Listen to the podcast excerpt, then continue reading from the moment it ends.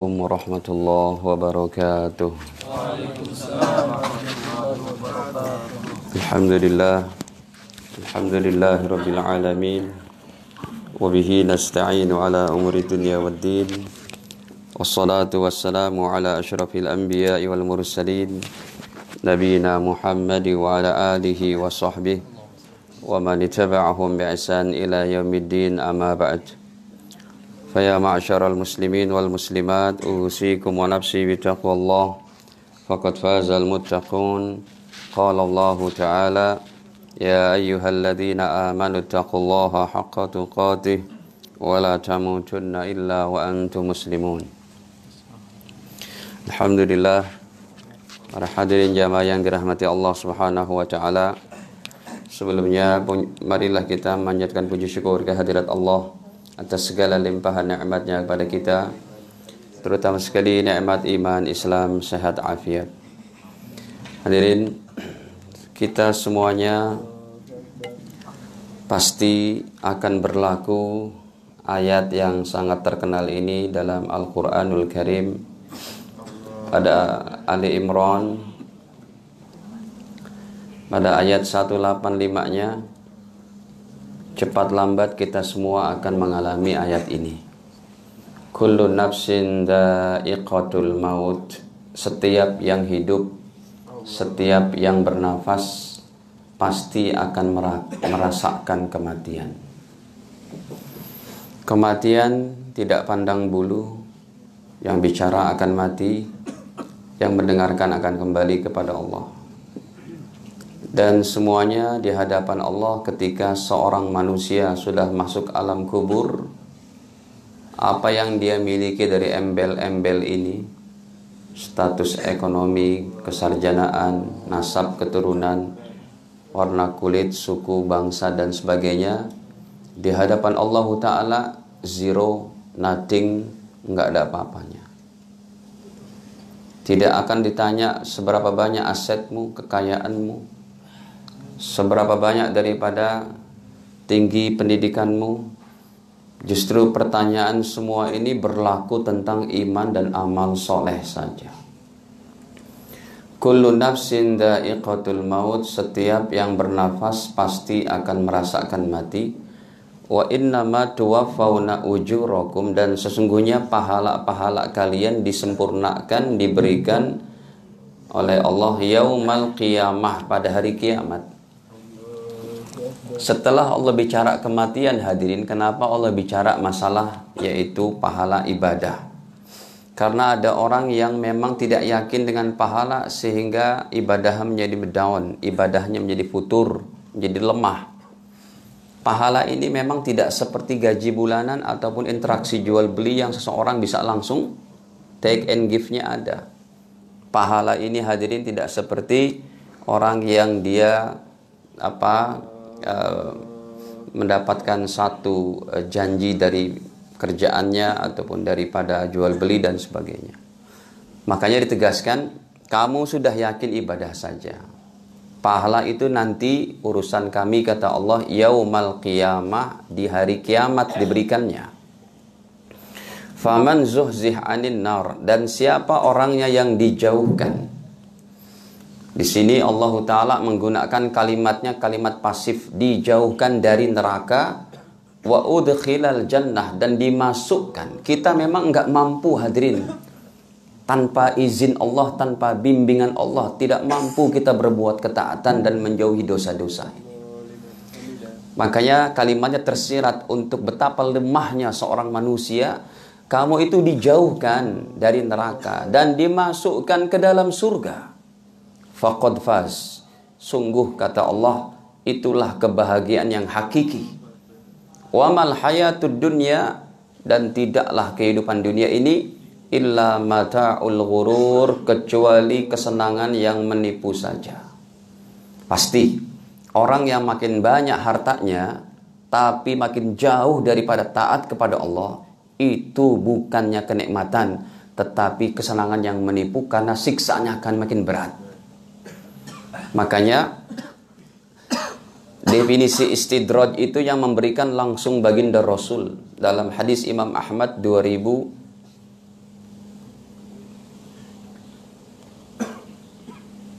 pada nomor 2000 sekian. Imam Ahmad memberikan definisi uh, maksud kami Imam Ahmad meriwayatkan hadis tentang istidraj. Ini sebelum kita masuk to the point ya, mukaddimah mukaddimahnya. Atau nomornya sudah ya sudah 17 17.311. Cukup sudah hampir tiga kali lipat Sahih Bukhari. Hadis-hadis Sahih Bukhari cuma 7124 hadis. Ini karya Imam Ahmad memang gurunya Imam Bukhari, ya.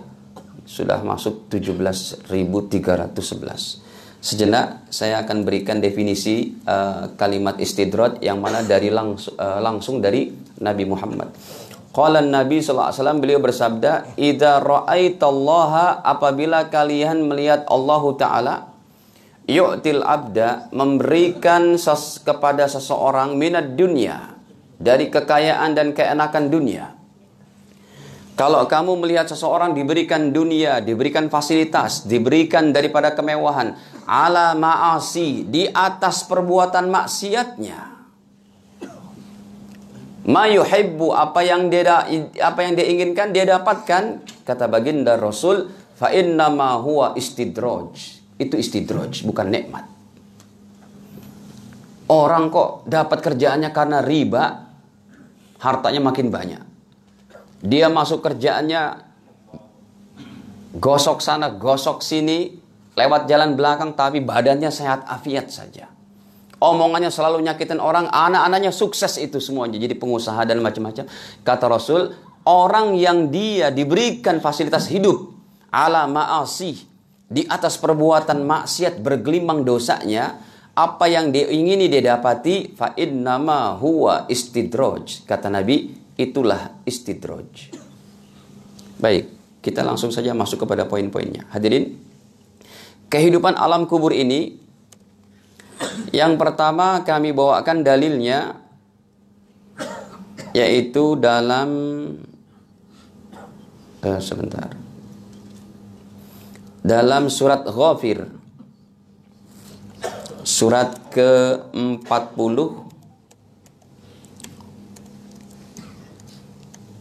pada ayat ke-46. Aneh aja saya sama aktivis yang jidatnya hitam, ya, kemudian mengharapkan dan berusaha untuk adanya khilafah, tapi sama siksa kubur aja nggak yakin. Bagaimana keimanannya itu hadirin? Masalah siksa kubur ini masalah yang tidak diperdebatkan oleh ulama ahli sunnah wal jamaah. Semua sepakat. Dalilnya Al-Quran dan sunnah. Bahkan hadisnya itu derajatnya ya nggak perlulah kita sebutkan derajat mutawatir. Kalau Al-Qur'annya sudah ada, al hadis disebut derajat tertinggi mutawatir baik lafzi atau maknawi mutawatir adalah hadis yang prosesnya diriwayatkan oleh minimal 10 ulama ulama Mekah, Madinah, Mesir, Yaman, ulama Uzbek, ulama daripada Irak semua meriwayatkan dalam substansi yang sama yang saat itu tidak memungkinkan untuk bersetuju dalam kepalsuan dan kebohongan karena belum ada internet, belum ada handphone, belum ada WA dan macam-macam. Tidak memungkinkan persetujuan mereka dari jarak yang sangat jauh, tapi ditemukan hadisnya dengan lafat yang sama itu mutawatir. Tapi masalah hadis, masalah dalil tentang kehidupan alam kubur bukan hadis yang menyatakan pertama kali Al-Qur'annya. Jadi ya hadisnya pakai tambahan kecuali untuk menyatakan ada berapakah ciri-ciri uh, datangnya pintu gerbang hari kiamat? 10. Nah, ini tentang datangnya Imam Mahdi karena Imam Mahdi nggak ada dalam Al-Quran. Baru kita katakan hadis-hadis tentang Imam Mahdi ini derajatnya mutawatir maknawi. Emang Imam Mahdi tidak ada dalam Al-Quran, tapi ada dalam Sahih Bukhari Muslim dan lain-lain. Dajjal pun demikian, tidak dalam Al-Quran. Yang ada dalam hadis mutawatir maknawi. Hadirin, kita buka dalam surat Ghafir Surat Ghafir penamaannya ada dua, ada Ghafir, ada juga Al-Mu'min. Bukan Al-Mu'minun ya, Al-Mu'min. Pada ayat ke-46. An-naru yu'raduna 'alaiha wa 'ashiyya. An-naru api neraka ditampakkan kata Allah. Boleh dibuka terjemahannya. Neraka yu'raduna ditampakkan disodorkan 'alaiha kepada Fir'aun dan bala tentaranya wa 'ashiyya pagi petang pagi petang wa yauma taqumus saah dan ketiga juga nanti bangkitnya hari kiamat. Jadi pagi petang pagi petang itu imam para ulama mengatakan ini adalah dalil pagi petang pagi petangnya dalil untuk siksa kubur wa yauma taqumus saah dan juga nanti ketika datangnya hari kiamat. Gimana tentang hari kiamat? Allah firmankan, Adkhilu ala fir'auna asyaddal adab. Wahai para malaikatku, masukkanlah Fir'aun dan bala tentaranya asyad, siksa yang lebih dahsyat. Pakai kalimatnya isim tafdil, kalau jenisnya afdol afdol. Isim tafdil artinya kalimat yang menyatakan lebih, lebih, afdol lebih baik, ya ahsan lebih baik. Kemudian ajwat lebih baik. Hadirin, Ini siksa kubur ada siksa yang ringan, tapi ada itu. Belum lagi nanti asyad dal adab pada hari kiamat Fir'aun dan bala tentaranya akan mendapatkan asyad dal adab siksa yang lebih berat. Bapak Ibu sekalian pertahankan iman la ilaha illallah Muhammadur Rasulullah. Sekalipun kita harus mati dibakar, dibunuh, disalib, dimutilasi, jangan pernah tinggalkan la ilaha illallah. Itu pesan Nabi Muhammad SAW. Karena hadirin kalau orang sudah mati tanpa iman, siksa kuburnya berat, di akhiratnya lebih berat. Coba sebentar kita tampilkan hadis yang jarang di, mungkin jarang. Antum sudah pernah dengar belum? Kalau penduduk neraka itu giginya saja dibesarkan sebesar gunung Uhud, Pak. Ini hadis sahih riwayat Imam Ahmad 19.266. Kayaknya kita baru ngaji pertama kali lagi nih ya. Hadisnya udah 19 ribu, tadi 17 ribu 311.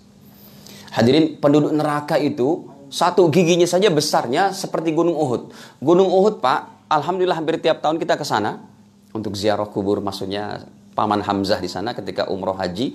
Hadirin, Gunung Uhud itu panjangnya 5 km, tingginya 1,5 km.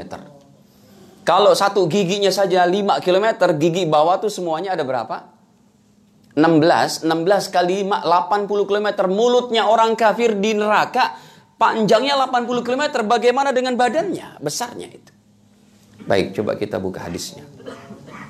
Ini hadis yang kayak begini perlu kita buka hadirin supaya makin melembutkan hati kita bahwa kita tuh dengan alam kubur sangat dekat.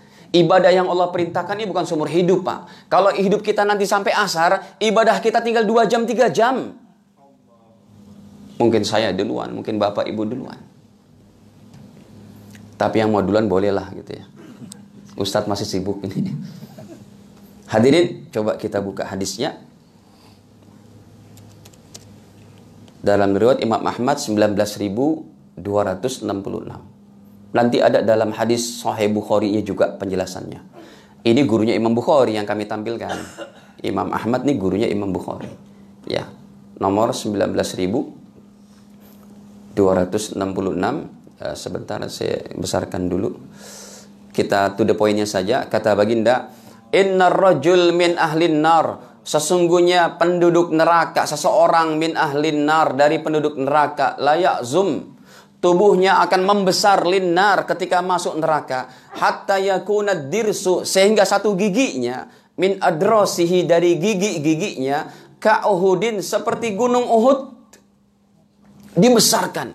Ya Rasul kenapa demikian? Liyadukul adab. Supaya mereka betul-betul merasakan siksa akhirat yang sangat berat. Kubur berat, akhirat lebih berat. Atau kita lihatkan, perlihatkan hadisnya, bagaimana dari jarak pundak satu dengan pundak yang lainnya, orang yang sudah masuk neraka. Khususnya orang kafir ini hadirin. Kasihan ya. Para jamaah kita ini kan hadisnya Kata Nabi SAW, ini juga sudah cukup uh, jauh, nomor 6000 atau ya 6185. Nabi SAW bersabda, Ma baina man kebel kafir, jarak di antara pundaknya orang kafir yang di neraka, ya. Kata Nabi, ini, oh nggak bisa. Ini, kata baginda, ma baina man kibel kafir jarak di antara pundaknya orang kafir dari sini ke sini masih rot salah satu ayam yaitu seperti jaraknya perjalanan tiga hari tiga malam lirakib al musri pakai kuda yang paling cepat. Kuda paling cepat berjalan tiga hari tiga malam kurang lebih sampai 200 km lebih. Itu hadirin jarak tubuh orang kafir yang masuk neraka jahanam. Kenapa demikian dibesarkan? Supaya mereka betul-betul merasakan siksaan. Dan ini merupakan peraturan Allah. Gak boleh ada yang protes. Makhluk semuanya milik Allah. Mau dijadikan apa pun kejadian ketentuan termasuk alam kubur. Sudah menjadikan peraturan daripada peraturan Allah Ta'ala. Hadirin, kemudian yang kedua di antaranya dalilnya. ya Selain surat Ghafir. Ada juga ini Allah sebutkan uh, di dalam uh, di antaranya surat At-Taubah. Surat ke-9 ini tentang bagaimana orang munafik di Madinah yang keterlaluan nifaknya itu. Ayatnya ada pada 101. Ya, wa mimman haulakum minal a'rabi munafiqun wa min ahlil madinati maradu 'alan nifaq. Orang Madinah ini ada yang memang munafiknya keterlaluan, Pak Makanya dalam An-Nisa Allah firmankan innal munafiqin fid asfal minan nar pada ayat uh, berapa 145-nya orang munafik tuh di keraknya neraka jahanam. Dia bergaul sama Nabi Muhammad dan para sahabat, ikut sholat zuhur, sholat asar, kadang makan bareng, tetapi hati mereka menyimpan kekufuran kepada Allah dan Rasulnya. Ini musuh Islam yang paling berat, Pak. Musuh dalam selimut. Hadirin, pada 101 Allah firmankan wa mimman haulakum dan di antara mereka itu ada orang-orang di sekitar kalian minal a'rabi dari orang-orang Arab Badui ini munafiqun para munafiknya. Wa min ahlil Madinah dan ada juga penduduk Madinah maradu 'alan nifaq yang keterlaluan munafiknya itu. La ta'lamuhum kamu enggak tahu wahai Rasul tapi nahnu na'lamuhum kami yang mengetahui sanu'adzibuhum marratain kami akan siksa dua kali Siksa dua kali marroten artinya dikubur sekali dan di akhirat sekali. Baik, hadirin kita buka saja poin pertamanya. Kita tuliskan di sini. Poin pertama alam kubur ini hadirin adalah alam kubur yaitu uh, menyeramkan.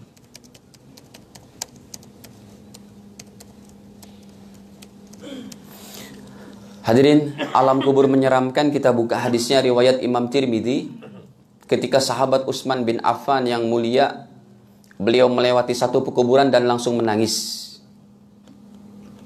Ini sahabat Utsman bin Affan udah orangnya pinter, santun, ganteng, kaya raya, hafal Quran jadi presiden lagi pak. Kira-kira ada orang gak kayak gini? Ya, udah pinter, hafal Quran. Beliau pernah sholat tahajud satu rokat saja tapi satu rokaatnya sampai khatam Quran menjelang sholat subuh. 30 juz. Ya, kalau kita juga witir satu rokaat, tapi masya Allah satu menit hadirin, ekspres gitu ya. Dan beliau begitulah orang kalau di mana orang ini dia baca apa, dia melazimkan amal-amal solehnya seperti juga meninggalnya. Sayyidina Utsman bin Affan meninggal di hadapan Qurannya dengan bersimbah darah.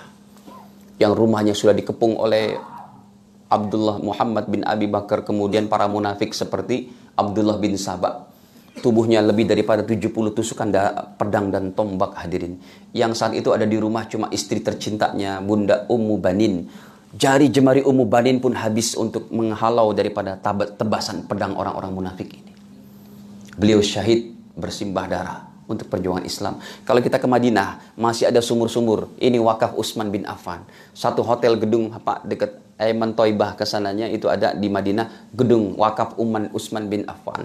Kemudian ada juga berapa hektar daripada perkebunan korma dari wakaf Utsman bin Affan yang dulu punya para Yahudi dibeli oleh beliau. Kita lihat hadisnya ini tentang bagaimana lembutnya hati Utsman bin Affan. Hadis riwayat daripada Al-Imam At-Tirmidzi derajatnya hasan gharib, paling tidak hasan uh, sebentar ini mau dibesarkan biar baik. Ceritanya dari ajudannya yang bernama Hani. Hani ini nama laki-laki ya pak. Bukan nama perempuan. Jangan salah paham. Nih Hani. Kalau kita manggil Hani mungkin kepada istri ya pak perempuan ya. Hani Hani gitu. Ya itu mungkin baru pertama kali ijab kabul ya. Udah sebulan dua bulan pahit-pahit gitu kali. Hadirin, Hani Maula Utsman, ajudannya Utsman bin Affan, karena Utsman beliau bercerita, sahabat Utsman yang mulia, karena idza waqafa ala qabrin, apabila beliau berdiri di satu kuburan, baka langsung menangis. Serta merta menangis, hatta yabul lahyatahu sampai basah bulu jenggotnya ini, Pak. Faqila lahu maka ditanyakan tudkarul jannatu wan nar wahai Utsman. Kamu disebutkan tentang surga dan neraka, fala tabki, tapi kamu tidak menangis.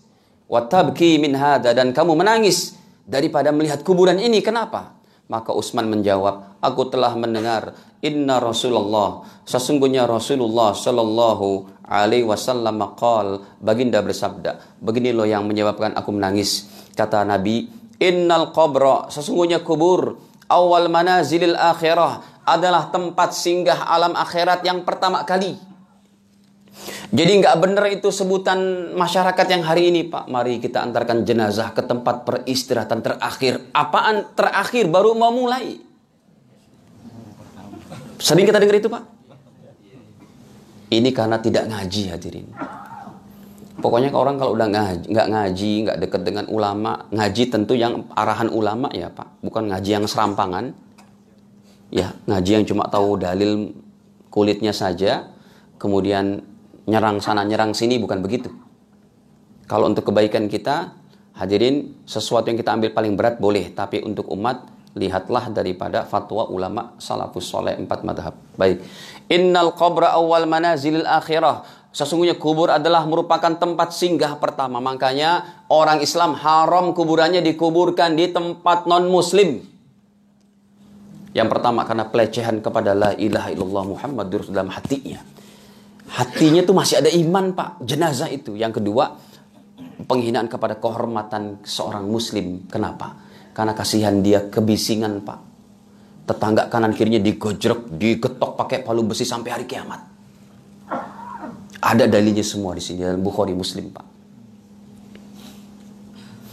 Hadirin, ini pembahasannya mungkin nggak sekali ini ya, karena saya kumpulkan poinnya banyak sekali. Hadisnya ada 25 hadis. Dan mau diterjemah buru-buru pun nggak enak juga ya. Kita pahami juga artinya. Kata Rasul, sesungguhnya kubur adalah merupakan tempat singgah kehidupan akhirat yang pertama. Fa'in naja, apabila seorang selamat minhu dari kuburnya, Fama ba'dahu maka fase kehidupan akhirat selanjutnya aisar, lebih mudah. Fase mahsyarnya mudah, syafaatnya mudah, telaga kausarnya mudah, fase mizannya mudah, fase sirotnya mudah, fase mahkamah bertemu dengan Allah Ta'ala langsung mudah. Tetapi inilah yang menyebabkan aku menangis kata Utsman. Wa in lam yanju. Tapi apabila seorang lam yanju tidak selamat minhu dari kuburnya. Fama ba'dahu fama ba'dahu asyaddu minhu maka kehidupan selanjutnya asyaddu minhu lebih susah. Ini kalimatnya kebalik-balik ya. Asyaddu minhu maka lebih berat lagi. Hadirin, kemudian Nabi sabdakan, "Ma ra'aitu mandoro Aku tidak pernah melihat satu pemandangan kotu sama sekali illa wal qabru kecuali pekuburan afza minhu yang paling menyeramkan. Ini sabda Nabi SAW dalam hadis Imam Tirmidzi yang membuat Utsman bin Affan langsung menangis hadirin. Kemudian poin kedua yaitu alam kubur gelap gulita. Ini ada satu hadis juga yang jarang diamalkan. Alam kubur gelap gulita. Kita buka hadisnya Sahih Bukhari. Ceritanya ada seorang wanita berkulit hitam dari Ethiopia yang menjadi merbot Masjid Nabawi. Ya, beliau tukang bersihnya Masjid Nabawi ini. Meninggal dunia. Baik, kita baca hadisnya. Hadirin, Nabi bertanya tentang si ibu ini. Ini ke mana? Ibu ini kok nggak kelihatan sehari, dua hari, tiga hari gitu ya. Fafakodah Rasulullah SAW. Rasulullah kehilangan beliau. Ini ke mana ibu? Kata Abu Hurairah awalnya itu. Annam ro'atan sauda. Ada wanita berkulit hitam paruh baya. Karena takumul masjid. Tugasnya bersihin masjid Nabawi. Ya. Fafakodah Rasulullah. Rasulullah SAW kehilangan beliau. Beliau bertanya, Fasa'ala anha, ibu ini ke mana? Kok nggak kelihatan lagi? Faqalu, para sahabat menjawab, Mata meninggal ya Rasul. Rasul sempat meninggi suaranya, kata beliau, Afala kuntum tumuni? Kenapa kalian tidak kasih tahu saya? Kok meninggal? Tidak informasikan ke saya? Qal faka'annahum saghwaru amroha. Seakan-akan para sahabat menganggap ini perkara remeh meninggalnya ibu Masjid Naba merebut masjid ini wahai Rasul sudah kami selenggarakan jenazahnya bersama keluarganya. Ini perkara ringan. Tuhan kan sangat sibuk dengan masalah pemerintahan, masalah mengirim para gubernur, mengirim petugas zakat ke Yaman, ke Mesir, ke Syam, mengirim para pasukan jihad yang umat Islam dibantai di Biru Maluna, di Biru Mauna, umat Islam dibantai di Tabuk di mana gitu. Kemudian juga Tuhan sangat sibuk untuk mengurus para janda yang suaminya mati visabilillah, mengurus para yatim yang ayah-ayah mereka mati visabilillah. Tuhan juga menyampaikan wahyu yang semalam turun. Tuhan juga menerima daripada delegasi-delegasi kabilah-kabilah Arab, para pembesar Arab yang sudah masuk Islam Islam. Tuhan juga menerima daripada jamaah dakwah jihad yang baru datang menyampaikan laporan kerja mereka. Tuhan sangat sibuk. Ini meninggalnya ibu merbot masjid, udah kami selenggarakan jenazahnya sama keluarganya ya Rasul, udah beres. Kata Rasul, nggak bisa. Aku tidak terima. Duluni ala qabrih. Kasih tahu saya mana kuburannya. Fadallu dikasih tahu. Ini ya Rasul. Di samping Masjid Nabawi di. Ada apa hadirin? Rasul ini jenazah sudah tiga hari dikubur. Kemudian beliau datang ke sana, fasolla alaiha. Beliau sholat di atas kuburnya, sholat jenazah. Sudah berapa persen di sini jamaah yang mengetahui dalil ini Pak kalau kita boleh sholat jenazah di atas kuburan? Ini ilmu baru. Tapi syaratnya tanah masih basah. Sekitar sehari, dua hari, tiga hari, sampai sebulan lah. Jangan nanti antum pulang ke rumah, ke makam kakek yang udah 60 tahun. Mau ngapain pak? Mau sholat. Kata Ustadz ada hadisnya. Betul. Tapi tanahnya udah kering gitu. Sudah lama gitu ya. Ini kalau masih baru masih boleh. Silakan pakai hadis ini. Saya pun pernah ngerjain ini. Pernah orang tua santri kami meninggal dunia di pondok kelapa. Saya ke masjidnya baru saya dibawa Ustadz. Sudah disolatin. Di pondok kelapa dikuburkannya. Saya kejar ke kuburan sudah dikubur juga. Sudah selesai prosesi doa dan macam-macam ya udah udah selesai. Saya berdiri dengan para santri kami di depan kuburannya. Ini kepala ini kaki. Karena jenazahnya laki-laki saya berdiri di depan kepalanya. Sendalnya saya naikin tidak pakai sendal dan kita berdiri di atas sendal. Sholat empat takbir sholat jenazah di kuburan. Ini dia dalilnya. Sumpamanya nanti anda nggak dapat tiket pesawat orang tua meninggal nih di Aceh atau yang yang sedang studi di Amerika atau sedang tugas di luar negeri bapaknya meninggal tiga hari tiga malam baru sampai gimana nih Ustadz saya nggak berbakti kepada bapak saya dengan tidak menyolatkan. Oh masih bisa caranya. Nggak perlu sholat gaib di Amerika. Antum sampai sini kapan? Hari keberapa? Hari keempat. Kita antar ke kuburnya sholat di sisi kuburnya. Ini hadisnya. Baik. Kemudian Nabi bersabda setelah itu inna hadhil kubur. Sesungguhnya pekuburan ini mamlu'atun zulmah penuh dengan kegelapan ala ahliha kepada penduduknya. Wa innallaha azza wa jal. Dan sesungguhnya Allah yang maha aziz yang maha perkasa lagi maha agung yunawwiruha. Allah taala memberikan cahaya kepada ahli kubur. Bisolati alaihim dengan aku solatkan ke atas mereka dan aku doakan mereka. Hadirin ingat ini menjadi dalil doa-doa kita untuk bapak, ibu, kakek, nenek kita sudah meninggal, datang ke kubur mereka sebagai cahaya. Diceritakan dalam kitab Imam Ibnu Qayyim Al-Jauzi dalam kitabnya Ar-Ruh, kitab nyawa, artinya kitab tentang roh. Itu ada diceritakan. Si A penduduk kubur nggak pernah didoakan oleh anak-anaknya yang di dunia masih hidup. Ya, tapi yang B, C, D itu didoakan. Anak-anaknya soleh, ibadah, hadirin Akhirnya yang A mengatakan saya nggak pernah didoakan, nggak ada kiriman cahaya ini dari doa-doa keluarga saya. Tapi saya merasakan nyaman karena kecipratan cahaya dari tetangga-tetangga saya. Sumpahnya Allah gantikan cahaya itu yang datang dengan kekayaan dunia dan seisinya. Kata jenazah, pasti kami tetap memilih cahaya ini karena harta dunia seisinya nggak berlaku lagi di alam kubur. Para jamaah yang dirahmati Allah, ini poin kedua. Poin ketiga, Poin ketiga adalah himpitan alam kubur. Ya Allah. Ini lebih berat hadirin. Saya pun membaca uh, apa? Ya takut juga sih kita kan belum dijamin pak. Ini yang akan nomor tiga akan kami sampaikan. Sahabat yang imannya kayak gunung hadirin. Meninggalnya beliau saja aras Allah di atas langit ketujuh bergetar. Kita meninggal pak, pohon mangga depan kita pun bergetar masih mending tuh pak. Pohon mangga gitu bergetar. Kalau tahu bergetar gitu ya. Ini aras Allah kayak apa imannya? Sahih Bukhari hadisnya. Kita lihat. Nama sahabatnya adalah Sa'ad bin Mu'az. Memang sahabat itu banyak yang sudah dijamin masuk surga, termasuk beliau. Ya, ada 10 yang pertama tuh. Abu Bakar di surga, Umar di surga, Utsman di surga, Ali di surga, Sa'ad bin Abi Waqqas di surga, Zubair bin Awam di surga, Abdurrahman bin Auf di surga, Sa'ad bin Zaid di surga, Zubair apa itu uh, Tolha bin Ubaidillah di surga, Abu Ubaidillah ibn Jarrah di surga, Bilal bin Rabah di surga, Sa'ad bin Mu'az di surga. Kita lihat. Hadisnya Sahih Bukhari. Arash Allah bergetar hadirin. Tapi eh tazza tapi sebentar saya tampilkan ini uh, hadis yang lain dulu. Itu gampang. Ini hadis yang selanjutnya cukup jauh nomornya. Riwayat Imam Tobroni biar nanti saya terjemah yang ini komputernya uh, mencari dulu. Ya. Oke. Hadirin, yang ketiga himpitan alam kubur. Hadisnya riwayat daripada Al-Imam Bukhari. Nanti selengkapnya ada dalam riwayat Imam Nasai.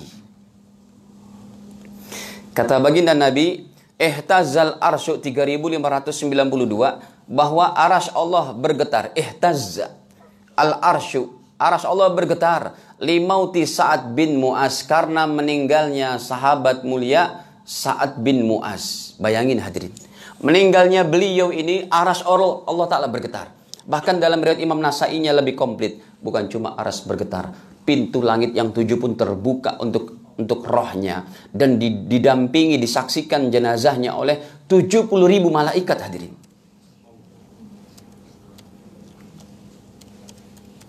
Tapi dengan keberadaan beliau yang kayak begitu pun derajatnya tetap terkena himpitan kubur. Apalagi kita ya Pak. Nih, kata Nabi, Hadalladzi taharraka lahul arsyu. Inilah orangnya yang aras saja bergetar untuknya, lahu untuknya, yaitu untuk siapa? Sa'ad bin Mu'az. Wa putihat lahu abwabus sama dan pintu-pintu langit pun terbuka untuknya. Wa syahidahu serta jenazahnya disaksikan oleh sab'una alfan minal malaikah 70 ribu malaikat menyaksikan. Tapi kata baginda, lakot dumma dummatan. Sungguh beliau pun terhimpit dalam himpitan kubur. Summa furrijanhu. Tapi karena imannya sangat kuat, amal soleh sangat kuat. Dalam waktu per detik itu pun dihindarkan. Ada orang yang himpitan kuburnya sampai sejam, dua jam, sehari, dua hari, tujuh hari, sebulan. Kalau orang kafir selamanya sampai bangkitnya hari kiamat. Kata baginda dalam hadis Imam Ahmad, orang-orang yang tidak beriman ini tulang belulangnya terhimpit di alam kubur sampai berceragah. Kita pernah gali kuburan non muslim pak, nggak sengaja di, karena ada perluasan jalan digali hadirin. Ini kepala, tangan, kaki, eh, tangan, kaki. Logikanya kan kepalanya di sini, kaki di sini. Tapi setelah digali semuanya berada di tengah-tengah. Sodako Rasulullah, betullah Rasulullah mengatakan himpitan alam kubur itu ada. Lagian siapa juga serangga yang bawa ke situ pak? Serangga apa hidup? Enggak lah, enggak ada serangga di dalamnya. Orang dia keadaannya rapat gitu, enggak ada udara. Nah hadirin para jamaah yang dirahmati Allah Ta'ala. Jadi ini di antara yang kedua. Kalau yang ketiga, himpitan alam kubur. Kalau saat bin Mu'az mungkin masih punya dosa. Karena tidak boleh kita punya keyakinan orang-orang ini maksum. Yang maksum cuma para nabi dan rasul. Sampai keluarga ahlu bait rasul pun tidak boleh dikatakan maksum. Sekalipun mereka pun sangat terhormat. Hadirin, ini anak bayi loh yang belum berdosa. Derajat hadisnya adalah sahih karena perawinya dikatakan oleh Imam Ibnu Hajar Haytami. Kata Imam Ibnu Hajar Haytami, ya, qala al-Haytami rijaluhu rijalus sahih. Para perawi hadisnya yaitu para perawi yang meriwayatkan hadis-hadis sahih. Jadi derajatnya sahih. Kita ke atasnya. Kata baginda, lau aflata ahadun apabila seseorang selamat min dhammatil qabri dari himpitan kubur la aflata sobi pastilah bayi ini pun selamat. Tapi ini bayi ketika Rasul menguburkan satu jenazah si bayi pun terkena himpitan kubur. Tapi dalam waktu per detik pun terhindarkan daripada himpitan kubur karena belum berdosa. Ini hadirin ya himpitan alam kubur ini tentunya bisa terindahkan dari kita tercegahkan dengan kita jauhkan dosa dan perkuat dengan ibadah. Nah, yang keempat, poin yang keempat ini hadisnya cukup panjang nih Pak. Uh, atau yang keempat begini, Rasul senantiasa ajarkan kita doa perlindungan dari kubur. Kok nggak bisa? Ya, doa perlindungan dari siksa kubur. Ini yang kita baca sunnah ketika habis sholat lima waktu. Setelah fil alamina innaka hamidum majid. Usahakan jangan tidak baca hadirin. Makanya kadang imam kalau tahiyat akhir agak lama tuh tahiyatnya. Mesti dia baca itu. Karena kata Imam Syafi'i, siapa yang tidak baca setelah fil alamina innaka hamidum majid langsung salam, nggak baca sunnah, sunnah muakkadah dalam doanya Allahumma inni a'udzubika min adzabi jahannam wa min adzabil qabri wa min fitnatil mahya wal mamat wa min syarri fitnatil masjid dajjal hukum sholatnya makruh tapi memang redaksinya boleh berbolak-balik Allahumma ini adzabil Allahumma ini a'udzubika min adzabil qabri dulu bisa ada juga Allahumma ini a'udzubika min adzabin nar dulu bisa ada juga yang kalimatnya Allahumma ini a'udzubika min adzabi jahannam dulu baru adzabil qabri baru fitnatil mahya wal mamat. Coba kita buka hadisnya. Ya. Banyak hadisnya di Bukhari, Muslim dan yang lainnya. Kata baginda, "Idza tasyahada ahadukum," kalau salah seorang kalian baca tasyahud, ya, maka mintalah kepada Allah daripada perlindungan dari yang empat. Nih, pada 1352 kata Nabi sallallahu alaihi kalau kamu sholat sudah baca tahiyat akhir, maka jangan langsung salam. Ya, bacalah kepada uh, mintalah kepada Allah perlindungan daripada nih. Idza tasyahada ahadukum kalau kalian sudah baca tasyahud akhir, falyastaiz billah. Mintalah perlindungan kepada Allah min arba'in dari empat macam yaitu yakul kata Nabi ini dia doanya. Allahumma inni a'udzubika min adabi jahannam. Yang pertama, wa min adabil qabri yang kedua wa min fitnatil mahya wal mamati dari fitnah kehidupan dan kematian yang ketiga wa min syarri fitnatil masihid dajjal. Dan dari fitnah dajjal. Boleh bolak-balik Pak. Karena redaksi tadi saya sebutkan banyak. Boleh juga. Yang pertamanya Allahumma inni a'udzubika min adabil qabri. Dulu juga ada. Ya. Nah hadirin yang dirahmati Allah taala. Kemudian poin kelima. Poin kelima ini lebih berat. Tapi yang paling penting hadisnya ini nomor poin kelima. Nomor hadisnya itu 18.534. Lagi-lagi riwayat Imam Ahmad. Cuma kalau saya terjemah waktunya nggak cukup. Di pengajian-pengajian lain saya terjemahkan yang nomor 5 ini dibaca dan terjemahnya setengah jam. Kita tinggal 7 menit. Nggak cukup ya. Ya, boleh bersambung kalau panjang umur. Yang kelima, poinnya pertanyaan ada tiga nih nikmat nilmat nikmat dan siksa kubur. Poin paling banyak ini makanya hadisnya hadisnya itu riwayat Imam Ahmad. Imam Ahmad ulama yang hafal satu juta hadis ya Pak. Inget-inget itu.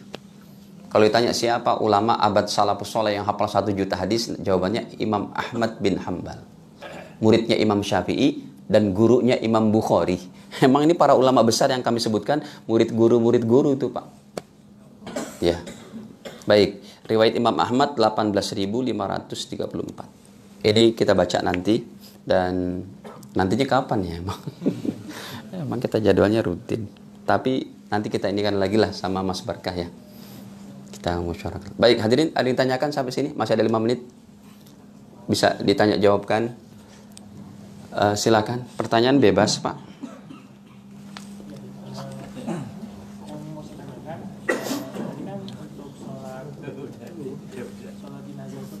Betul. Kubur.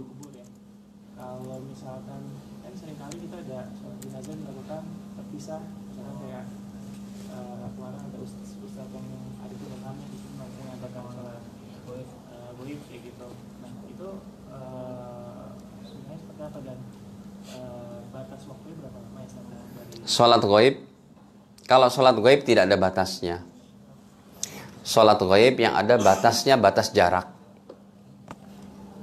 Ya Sebenarnya kemarin Ustadz Arifin Ilham meninggal dunia di sini nggak usah sholat goib sebab ke azikro itu belum ada jarak sholat di kosor.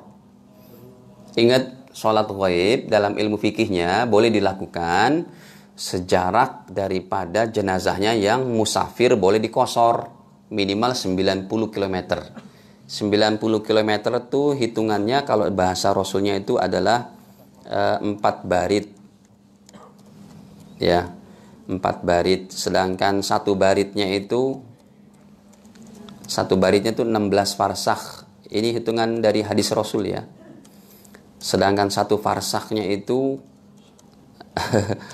satu farsakhnya 3 mil. Antum hitung sendiri nanti deh. Kemudian satu milnya itu 1,6 km atau sama 1,7 masa 1,5 lebih dikit lah coba lihat di google pak 1,6 ya 1, km. Nah, jadi 4 barit itu kurang lebih saya bulatkan jadi 90 km lah. Jadi kalau jenazahnya itu di Indramayu, jaraknya di jenazahnya di Bandung, baru boleh sholat goib. Kalau adikor kan deket, apalagi lewat dalam sini gitu. Itu belum ada 90 km, jadi tidak usah sholat goib sebenarnya. Cukup al-fatihah ataupun doakan saja. Allah magfir lahu warhamhu. Kalau mau jangan sholat goib karena deket, tapi apa? Datang ke sono dong berapa bis dari sini gitu. Ingat dalam ilmu fikihnya kayak begitu, sholat goib tidak dilakukan dalam jarak yang dekat. Nanti gampang dong orang meninggal di kampung sebelah kita sholat goib di sini. Hmm, keterlaluan ini pak. Datang ke sana ke RW sebelah. Kecuali kalau dia di Sumatera, di mana di Bandung, di yang jarak safar sudah boleh dikosor dan di jamak. Lagi yang lain ada? Ya. Assalamualaikum warahmatullahi wabarakatuh. Waalaikumsalam. Nah, tadi itu kan berdoa yang empat. Nah, nah saya itu juga suka berdoa tapi min haula'i adba itu tapi Allahumma inna na'udzubika min ilmin anfa min ilmi la yanfa wa qalbi la Bukan itu. Bukan itu ya sebenarnya. Nah, tapi saya dengar kiai juga doanya min haula'i arba. Betul, min haula'il arba'nya itu itu doa uh, untuk bukan ketika salat tasyahud ya. Allahumma inni a'udzubika min ilmin la yanfa wa min qalbin la tashba wa min nafsin wa min qalbin la yakhsha wa min nafsin la tashba wa min da'watin la tusma. Bukan itu. Itu untuk doa biasa. Ini yang khusus untuk setelah fil alamina innaka hamidum majid. Tolong dibaca. Ya. Allahumma ya mukallibal qulub Ida na'udzubika min itu ya apa namanya tadi kan Allahumma inna a'udzubika min adzabil qabri ya. Betul. Satu lagi uh, apa? Untuk istighfar itu apa ya? Istighfar Abu Bakar. Seperti apa? Eh, tambahnya itu saya lupa lagi tadi tapi biasanya saya baca sih tapi ya kalau yang lain pokoknya tidak terlalu dikuatkan tidak menjadikan makruh tapi yang ini hukumnya makruh kalau tidak dibaca. Tolong jamaah bapak ibu yang, yang belum hafal banyak di google itu tinggal googling saja atau minta dari saya saya berikan nanti doa dari yang empat itu. Terima kasih. Ya ya silakan.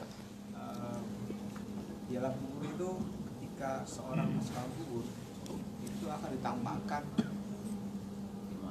kehidupan akhir. Ada hadisnya kalau salah jadi ketika orang masuk nanti akan ke neraka atau betul itu hadisnya Sahih Bukhari jadi kalau dia penduduk menjadi penduduk surga ditampakkan kehidupan surganya. Jadi dia senang. Tapi kalau dia menjadi ahli neraka ditampakkan juga kehidupan. Hadisnya riwayat Imam Bukhari. Bagaimana ketika orang ini adalah orang fasik?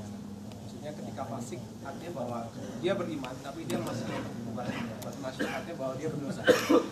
Nah, apakah ketika dia ke tempat kembalinya ke surga sekalipun misalnya atau mungkin harus dia cuci dulu ke neraka, jadi artinya ketika dia memang difonis mungkin dia punya amal lebih banyak ketimbang dosa.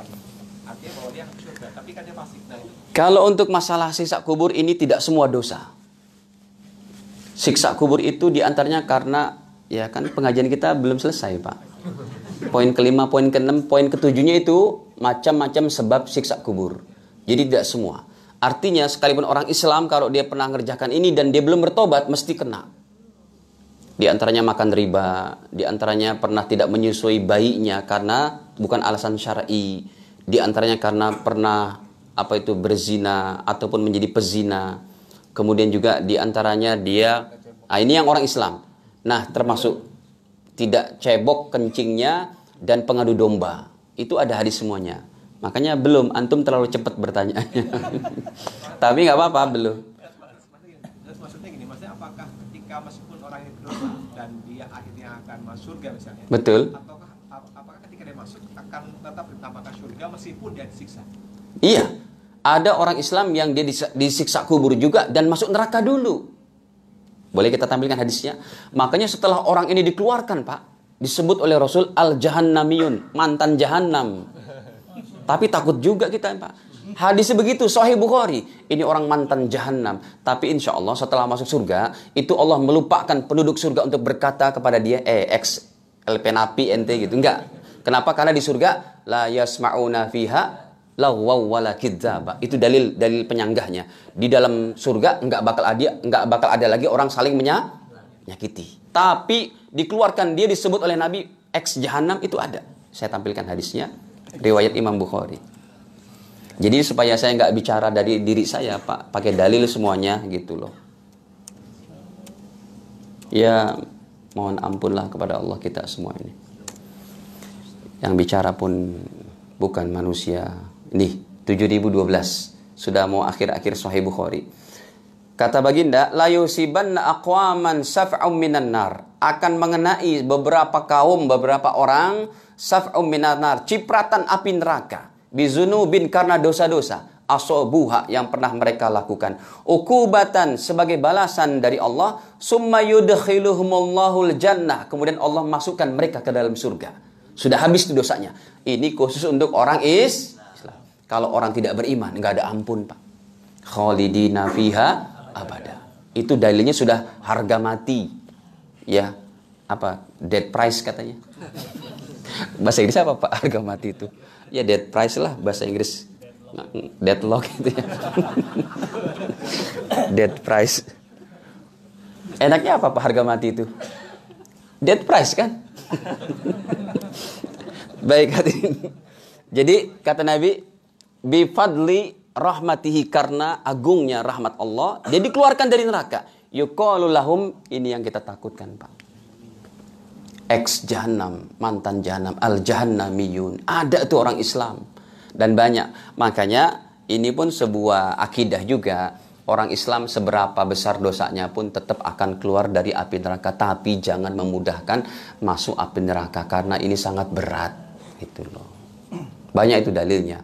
Cuma dalil ini disabdakan oleh Rasul bukan untuk bermudah-mudah dalam perbuatan dosa, tapi semata-mata untuk menyatakan pertama agungnya, begitu besarnya rahmat Allah kepada orang beriman, yang kedua agungnya kalimat tauhid la ilaha illallah.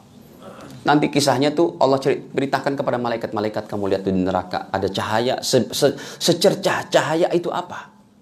Coba kamu lihat, lihat oleh malaikat. Ya Allah, ini hati hambamu yang masih la ilallah. Keluarkan dia. Tidak boleh Allah Allah Allah Taala untuk mengekalkan orang dalam neraka yang dia masih punya apa? La. Banyak itu. Bahkan Imam Bukhari nggak pakai nomor ribuan untuk menyampaikan hadis itu. Saya masih ingat nomornya nomor 44, Pak. Masih awal. Nih sebentar. Eh udah habis waktunya ya Pak. Nanti manajernya marah, saya nggak boleh pulang lagi. Nih nih nomor 4, satu lagi deh. Kebetulan saya ingat hadisnya masih awal-awal Sahih Bukhari. Imam Bukhari meletakkan hadis ini untuk menyatakan akidah ahlus sunnah wal jamaah bahwa umat Islam tidak boleh kekal dalam api neraka. Ini kata beliau. Nabi bersabda, yukhraju minan nar, dikeluarin dari neraka. Tuh, man qala la ilaha illallah. Orang yang masih punya la ilallah. Sekalipun hatinya ada keimanan wazna syairah sebesar biji gandum. Wa yukhraju minan nar dan dikeluarkan dari api neraka. Man qala la ilaha illallah. Orang yang masih punya la ilallah. Sekalipun hatinya ada iman wazna burra sebesar biji jagung. Tadi gandum, sekarang jagung setengahnya gandum. Yang ketiga lebih kecil lagi. Wa yukhraju minan nar dan dikeluarkan dari api neraka man qala ilallah. Orang yang masih punya la ilaha illallah sekalipun dalam hatinya wazna zarratin seperti daripada biji sawi min khairin dari keimanan tetap akan dikeluarkan ini semata-mata untuk keagungan kalimah la ilallah. Wallah alam biswab. Semoga Allah Ta'ala berikan kebaikan kepada kita.